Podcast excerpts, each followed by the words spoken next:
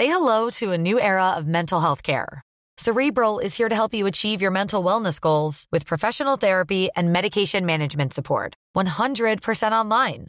You'll experience the all new Cerebral Way, an innovative approach to mental wellness designed around you.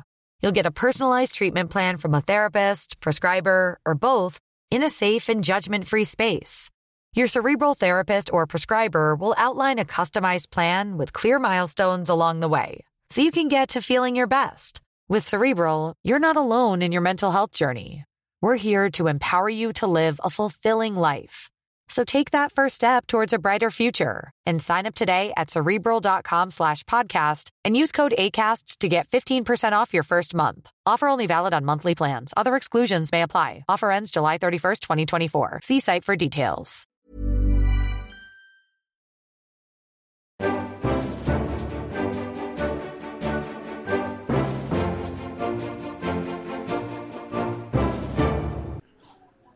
Dette er Aftenposten Verden, som denne gangen skal handle om Nato. Mitt navn er Alf Ole Ask, og med meg har jeg seniorforsker og tidligere direktør ved NUPI, Sverre Loddgaard, og vår korrespondent Øystein Langberg, som akkurat i dag er i Warszawa. Og la oss starte med deg, Øystein. Helgens Nato-møte markerer halvgått tid for Jens Stoltenberg som generalsekretær i Nato. Og hvordan har det gått med han? Nei, eh, jeg tror eh, man må kunne si at det har gått ganske greit. Eh, jeg har jo snakka med en del eksperter før dette møtet nå. Nå har jo han, som sagt, som du sier, sittet i litt under to år. Han har fått tid til å begynne å prege organisasjonen, sette sitt stempel på den. Og det var jo noen som var litt kritiske på forhånd, som pekte på at han ikke hadde noe særlig forsvarserfaring. Eh, blant annet, At han hadde vært mer opptatt av andre spørsmål, eh, f.eks. klima, eh, etter at han gikk av som statsminister. Det som virker å være status nå, er at folk synes han gjør en ganske god jobb. Det er mange som peker på at han har en fryktelig vanskelig jobb, kanskje leder av Nato en av de vanskeligste periodene på, på mange mange år. Og Da er det på en måte vanskelig virkelig å skinne. Men at han gjør jobben som sekretær godt, en person jeg snakka med, sier at uh, mens Fogh Rasmussen kanskje prøvde, å være, prøvde å være en slags general på slutten av sin periode og erta på seg veldig mange, så Stoltenberg, har Stoltenberg en tydelig profil uh, på å være sekretær. Uh, og Det er kanskje viktig i den tiden Nato er i nå, hvor det er store splittelser både i spørsmål om, om, om forholdet til Russland og, og, hva Nato skal gjøre i sør for å bekjempe terrorisme og få kontroll over menneskesmugling. De tingene skal vi komme tilbake til, Øystein. men uh, Lodgaard, hvor viktig er en generalsekretær i en organisasjon som Nato? Det er jo 28 medlemmer, og generalsekretæren har en stor oppgave i å forme konsensus om de viktigste sakene. Og der stiller eh, Stoltenberg sterkt med sin bakgrunn som regjeringssjef i Norge, men også fordi at kompromissets eh, betydning og kompromissets kunst har jo alltid vært dyrket i den stoltenbergske familie. Eh, så skal generalsekretæren være salgsmann for Natos politikk. Og Der syns jeg Stoltenberg har vært eh, litt tradisjonell og repetitiv. Eh, alt det som Nato gjør, er defensivt og kan ikke skade russiske interesser.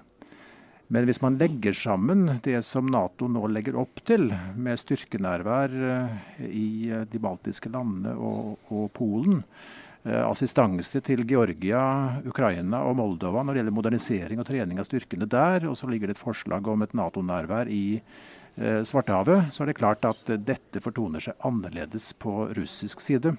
Også i andre sammenhenger så syns jeg han har eh, latt være å sette eh, eh sine budskaper i perspektiv og forholde, for, sammenligne f.eks. det som skjer på russisk side og det som skjer på egen side. Så Svakheten ved det etter mitt skjønn er ikke først og fremst analysen av uh, hva Russland har gjort og hva Russland står og går for. Det er mer det at man ikke problematiserer det man selv gjør. Hvis vi, bare, ja, vi skal bare ta det hovedkritikken som, som, jeg får når jeg snakker med folk mot Stoltenberg, og da er det jo særlig fra mediefolk og folk på utsiden, er, er kommunikasjonsegenskapene hans. Og ikke, ikke, bare, bare i Russland-spørsmålet, men mer generelt. At han er litt repetitiv, litt generell, litt kjedelig. Eh, og særlig når han snakker på engelsk. Eh, og mange tror dette kan ha med, med, språkkunnskaper å gjøre, og at det er selvfølgelig viktig å være pinlig nøyaktig eh, når man skal snakke på en av 28 allierte med, med så store splittelser. Men, men, det synes å være måte, der folk er mest kritiske mot Stoltenberg. Og det er kanskje ikke det verste å få, få kritikk for. Det kunne vært betydelig verre ting. Det, det, er helt åpenbart. Men eh, la oss holde litt tilbake til dette med forholdet til, til eh, Russland, som jo absolutt har preget av disse nesten to første årene eh, som Stoltenberg har vært eh, generalsekretær i, eh, i, Nato. Nører man nå opp under en russerfrykt, eh, Sverre Lodgaard? Deler av det politiske miljøet i Europa, og også media, har faktisk gjort det. Men uh, for å begynne med det som er mest aktuelt da, i Warszawa. Styrkenærværet i Baltikum og i Polen. Så ser jo jeg på det som en realpolitisk konsekvens av hva russerne gjorde i, i Ukraina. Og formodentlig er de realpolitikere gode nok, russerne, til å skjønne at noe sånt måtte bli, måtte bli konsekvensen. Men hvis man legger sammen de forskjellige tingene som jeg nettopp nevnte, så er det klart at det blir et helhetsbilde som for russerne er, er, problematisk. Og her snakker vi altså om den klart svakere part også uh, i forholdet mellom Russland og den vestlige verden. Ja, hvor, hvor mye svakere er Russland militært enn Nato? Ser du på budsjettene, så utgjør det russiske forsvarsbudsjettet 12% av det amerikanske og 8% av Natos. Og I tillegg kommer jo det at Vesten er jo også teknologisk overlegent. Så vi snakker her, altså når vi snakker om Russland, om den klart svakere part. Og dette har kommet bort i uh, propagandaen. Senest, senest, i dag tidlig hørte jeg Stoltenberg si at uh, minne om at uh, Russland har uh, rustet opp betydelig i de senere årene, med vekt på betydelig. Og det er jo riktig nok. Da økonomien kom seg på fote igjen for ti år siden, så begynte altså den russiske eh, opprustningen. Og så har den flatet ut da i eh, eh, senere tid. Og i år er det faktisk en liten nedgang i, eh, i rustningsutgiftene der. Men eh, dette settes altså vanligvis ikke i perspektiv, og det burde det gjøre. Øystein, kom igjen. Ja, det, det, altså, det, er jo ikke bare teknologisk og militært Russland ligger langt bak, altså også økonomisk. Vi må huske på at dette er et land som har en mye mindre økonomi enn f.eks. USA. De har en økonomi som til og med er mindre enn Tyskland, eh, og en del noe større enn Storbritannia. Så det er jo ikke noe, jo ikke noe superstormakt i den forstand vi snakker om her. Men så er det jo selvfølgelig eh, atomvåpnene eh, som de sitter på, som jo er en, en, en trussel. Og, så, så, er det jo selvfølgelig viktig, hvis vi trekker dette opp mot Stoltenberg, at han skal prøve å samle svært ulike interesser innad i Nato. Altså Landene i øst, nå er jo i Warszawa, Baltikum eh, og Polen mener jo at det Nato nå gjør, da, vi kan minne lytterne på det, de skal altså plassere fire bataljoner eh, i de baltiske landene og i Polen, totalt rundt 4000 mann. De mener at dette er altfor lite. Og viser jo ofte til f.eks. denne tenketanken RAND, som, som regna ut at, at, Nato ville trenge syv brigader på hver på, på altså 3000-5000 mann for å stanse Russland. Så de har jo et helt annet perspektiv. Og på den andre siden har du jo tyskerne, som synes øh, F.eks. utenriksministeren var ute og kalte det Nato driver med for sabelrasling. Så det er jo helt totalt motstridende interesser innad i, i, Nato. Og kanskje har ikke Stoltenberg gjort en så dårlig jobb på, på å finne balansen her. Ja, jeg er enig i det. Uh, og så får vi tilføye at uh, russerne har jo svingt opp med en del militære aktiviteter uh, som har vært urovekkende. Og Der kunne jo Natos generalsekretær tatt seg den frihet å f.eks. For foreslå at tillitsskapende tiltak som ble forhandlet frem eh, på slutten av 80-tallet, og som nettopp la eh, militære aktiviteter i bestemte mønstre, forhåndsvarsling og observasjon, at uh, dette kunne ajourføres og, og gjenopplives. Og likedan det som tok form for noen år tilbake med Eh, en felles informasjonsbase i, i, samtid når det gjelder aktiviteter i lufta og kommunikasjonssystemer, slik at man kunne rådslå i tilfelle farlige situasjoner måtte oppstå. Men, eh, men den friheten har han ikke tatt seg. Eh, og det kunne en generalsekretær gjort. Jeg, på, jeg minnes Kofi Annan, som kunne si radikale ting og høres ut som humanitetens røst. Eh, akkurat den egenskapen eh, har altså ikke Jens Stoltenberg vist som, eh, som generalsekretær. Men, men, der, men på den annen side, han har jo påpekt opp en rekke ganger at uh, russerne jo ikke følger de avtalene som er når det gjelder varsling av øvelser og, og lignende. Det er jo ikke så lett å lage tillitsskapende tiltak mot en motpart som, som uh, ikke uh, melder inn de øvelsene som de etter avtaleverket skal. Det er i og for seg riktig. Og, og det som ble forhandlet frem i Stockholm da i 86, det har jo erodert. sakte, men, men sikkert.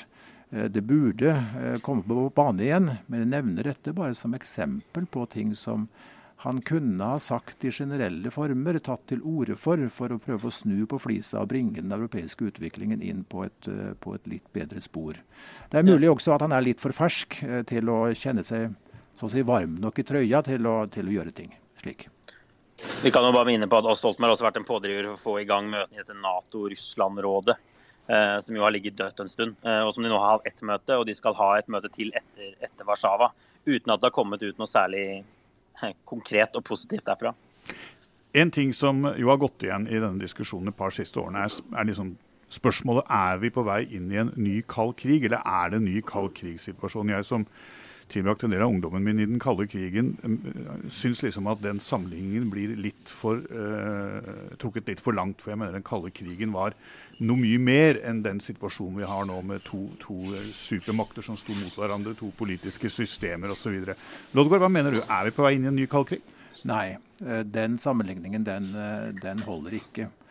Og jeg legger merke til at Putin nå nylig sa at um, han så fram til en dialog med Vesten. En konstruktiv dialog for å løse de ulike problemene som man står overfor. En uttalelse som både på linjene og mellom linjene eh, tyder på at eh, han mener tida er moden eh, for å prøve å anlegge en mer samarbeidsorientert tone mellom, mellom statene. Jeg, synes jo, jeg, tror heller ikke vi er på vei inn i en ny kald krig. og Nå har jo heller jeg aldri opplevd den kalde krigen. Men som et barn av 90-tallet, sånn som jeg er, så syns jeg det er interessant og nærmest litt rart å, å, høre så mye snakk om avskrekking. Nato ser på f.eks. Sin, eh, sin atomvåpenstrategi, eh, disse typer tingene. Som jo eh, er ganske fjernt da, fra oss som, som vokste opp etter at, etter at, muren falt. Men noen ny kald krig tror jeg ikke det heller er, og det tror jeg egentlig, egentlig er ganske få som mener i Nato. Men hvis man nå skal ha tillitsskapende tiltak mellom eh, Nato, USA på den ene siden og Russland på den andre siden, så er det å si, ett skjold i veien. Og det er jo rakettskjoldet, eller rakettforsvaret, som man liker å kalle det nede i, i eh, Brussel. Og Lodegaard, Lodgaard, hvorfor i all verden er dette, som jo egentlig skal ha en veldig defensiv karakter, blitt en slik, eh, et slikt ømt hå mellom øst og vest? Jeg tror det først og fremst er fordi at uh, det amerikanske rakettforsvarsprogrammet som driver alt dette, uh, det har pågått i 30 år. Uh, det har hatt en årlig uttelling på drøyt 5 milliarder dollar i snitt i året. Det fortsetter, og man vet ikke hva det skal bli til. Så var begrunnelsen fra starten av litt haltende. Man sa at man trengte det for å beskytte seg mot iranske atomraketter, som Iran riktignok ikke hadde og som den amerikanske presidenten forsikret verden om at de aldri skulle få. Eh, for før det kom så langt, eh, ville han eventuelt bombe. Eh, så fikk man en avtale med Iran som båndla atomprogrammet der. Og så sier man nå ikke Iran, men man sier bare generelt at det er ikke rettet østover. Og Det kan i hovedsak være riktig på det stadiet programmet står nå, men ingen vet hva det blir til i framtida. Og det er veldig farlig å tro på hva en stormakt sier i en sånn sammenheng. For store stater har de sin makt å gjøre noe annet når det kommer til stykket, eh, hvis forholdene har endret seg i mellomtida. Så jeg fortenker ikke russerne når de ser at det kommer baser i Romania eh, og snart også i Polen. Jeg fortenker ikke russerne i at uh, de syns dette er uh, bekymringsfullt. Det samme gjør kineserne på den andre siden av den rasiske kloden. Eh, Øystein, du har vært inne på det et par ganger i dine reportasjer om eh, moderniseringen av eh, Natos atomvåpen, og ikke minst at man nå ser at Nato understreker at atomvåpen igjen er en del av, av eller løftes fram som en del av alliansens strategi. Er det ikke litt merkelig at det ikke er større diskusjon om dette rundt omkring i Nato-alliansen? Jo, men, men det er jo så mye hemmelighetskremmeri rundt dette. her. Jeg har jo forsøkt å lage noen saker om det. og Dette er jo møter f.eks. For forsvarsministeren har når hun er i, i Brussel, men som de ikke kan si ett ord om etterpå. Så, så det er veldig vanskelig å få opp en diskusjon om det. Jeg har forsøkt noen ganger. og Selv bakgrunnsbrifer er det nesten umulig å få, fordi det er så hemmelighetsfullt. Og fordi det er så omstridt innad i alliansen. Frankrike sitter vel ikke engang i denne gruppa som, eh, som legger eh, Natos atomvåpenstrategi. Lodgaard, du er jo en av de som har forsket mest på atomvåpen eh, i Norge opp gjennom i mange mange tiår.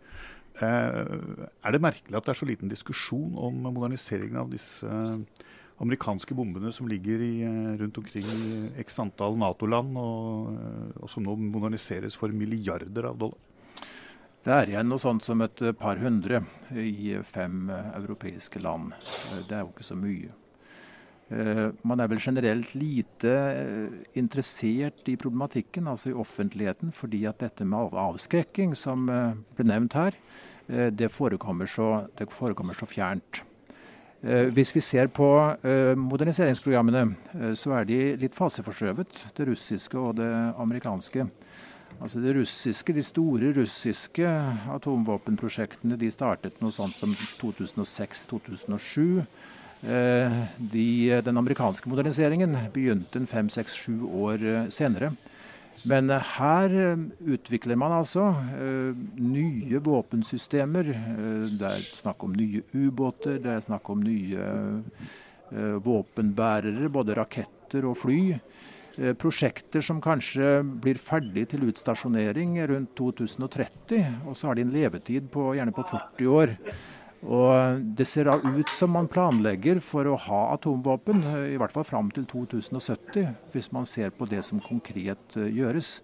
Så i nedrustningssammenheng så er naturligvis det uh, urovekkende, og en ganske annen da, tendens enn uh, den som Obama tok til orde for i 2009, da han ble president og snakket om en atomvåpenfri verden. Da setter vi strek for denne eh, diskusjonen her, og så skal vi snakke litt med en mann som sykler USA på tvers, nemlig eh, vår medarbeider eh, Gunnar Kange, og hva han opplever langs landeveien i USA. Hvor er du nå? Nå har jeg kommet til Blacksburg vest i Virginia. Opp i Appalachene, fjellkjeden som går litt på innsiden av den amerikanske østkysten. Og det er egentlig litt sånn eh, snøftesmittland med veldig mye sørstatsflagg på husene, men akkurat Blacksburg er en eh, universitetsby som ligger som en slags eh, demokratisk øy i et veldig republikansk hav. Du skal eh, holde på med denne syklingen i noen måneder, og du skal eh, være med oss framover. Vi skal følge deg og få noen rapporter fra bakken. Er det slik eh, når du nå treffer folk langs landeveien, bokstavelig talt, at de er veldig opptatt av presidentvalget? Ikke, ikke veldig. Vi ser noen sånne valgkampskilt i noen hager. Det er Trump, alt vi har sett. men med en gang vi begynner å spørre folk om uh, politikk og hva de vil stemme og hvordan de oppfatter valgkampen, så er det som regel lett å, lett å få dem på glid. og uh, de, Vi har ikke møtt noen som er entusiastisk for verken Hillary eller Trump, men uh, som sier at OK, vi må velge, og vi må velge mellom ondyr, og så detter de ned på hver sin, hver sin side. Den siste uken har denne e-mail-skandalen med Hillary Clinton for hennes tid som utenriksminister dominert eh, det amerikanske nyhetsbildet, i hvert fall hva gjelder politikk. Er folk uh, ute på grasrota opptatt av den saken? De er opptatt av den, og veldig mange, også av de som sier at de har tenkt å stemme på henne, er opptatt av at hun er egentlig ikke til å stole på, for hun har løyet så mye om eh, disse e-mailene, hva de inneholdt, om hvorvidt det var uh, hemmelig informasjon i dem eller ikke. Så de, de, også de som har tenkt å stemme, stemme, på henne, sier at eh, men hun er jo ikke til å stole på. Så det har åpenbart uh, svekket inntrykket av henne sterkt. Vi kan høre fuglesangen bak deg nå. Eh, dette er tidlig på morgenen vi nå snakker med deg. For deg, uh, du skal snart tråkke ut på landeveien igjen. Bare runde av med det. Hvor langt sykler du hver dag? målet er ti mil om dagen. Nå ligger vi på ni omtrent, men har hatt veldig mye fjell. Så alt i alt så regner jeg med at når, vi, når jeg kommer i mål i Seattle, så har jeg ligget på litt over ti mil om dagen. Og når du, nå, da, sier, da, når du nå sier vi, så har du altså med deg Ja, med meg kona mi nå de første ukene, så hun blir med i hvert fall et stykke inn i Kentucky før hun leier bil og tar seg og sykkelen sin tilbake igjen til Washington og, og Norge. Da sier vi takk til deg denne omgang, Gunnar. Du kommer til å være med oss eh, flere ganger i sendingene utover i sommer og fremover mot eh, valget. Det var det vi hadde i denne utgaven av Aftenposten Verden. Du eh, finner vår utmerkede utenriksjournalistikk på alle plattformer. Du kan følge oss på Twitter og Facebook. Ja, Aftenposten får du fortsatt også på papir i en postkasse nær deg. Mitt navn er Alf Olask. Aftenposten Verden er tilbake om en uke.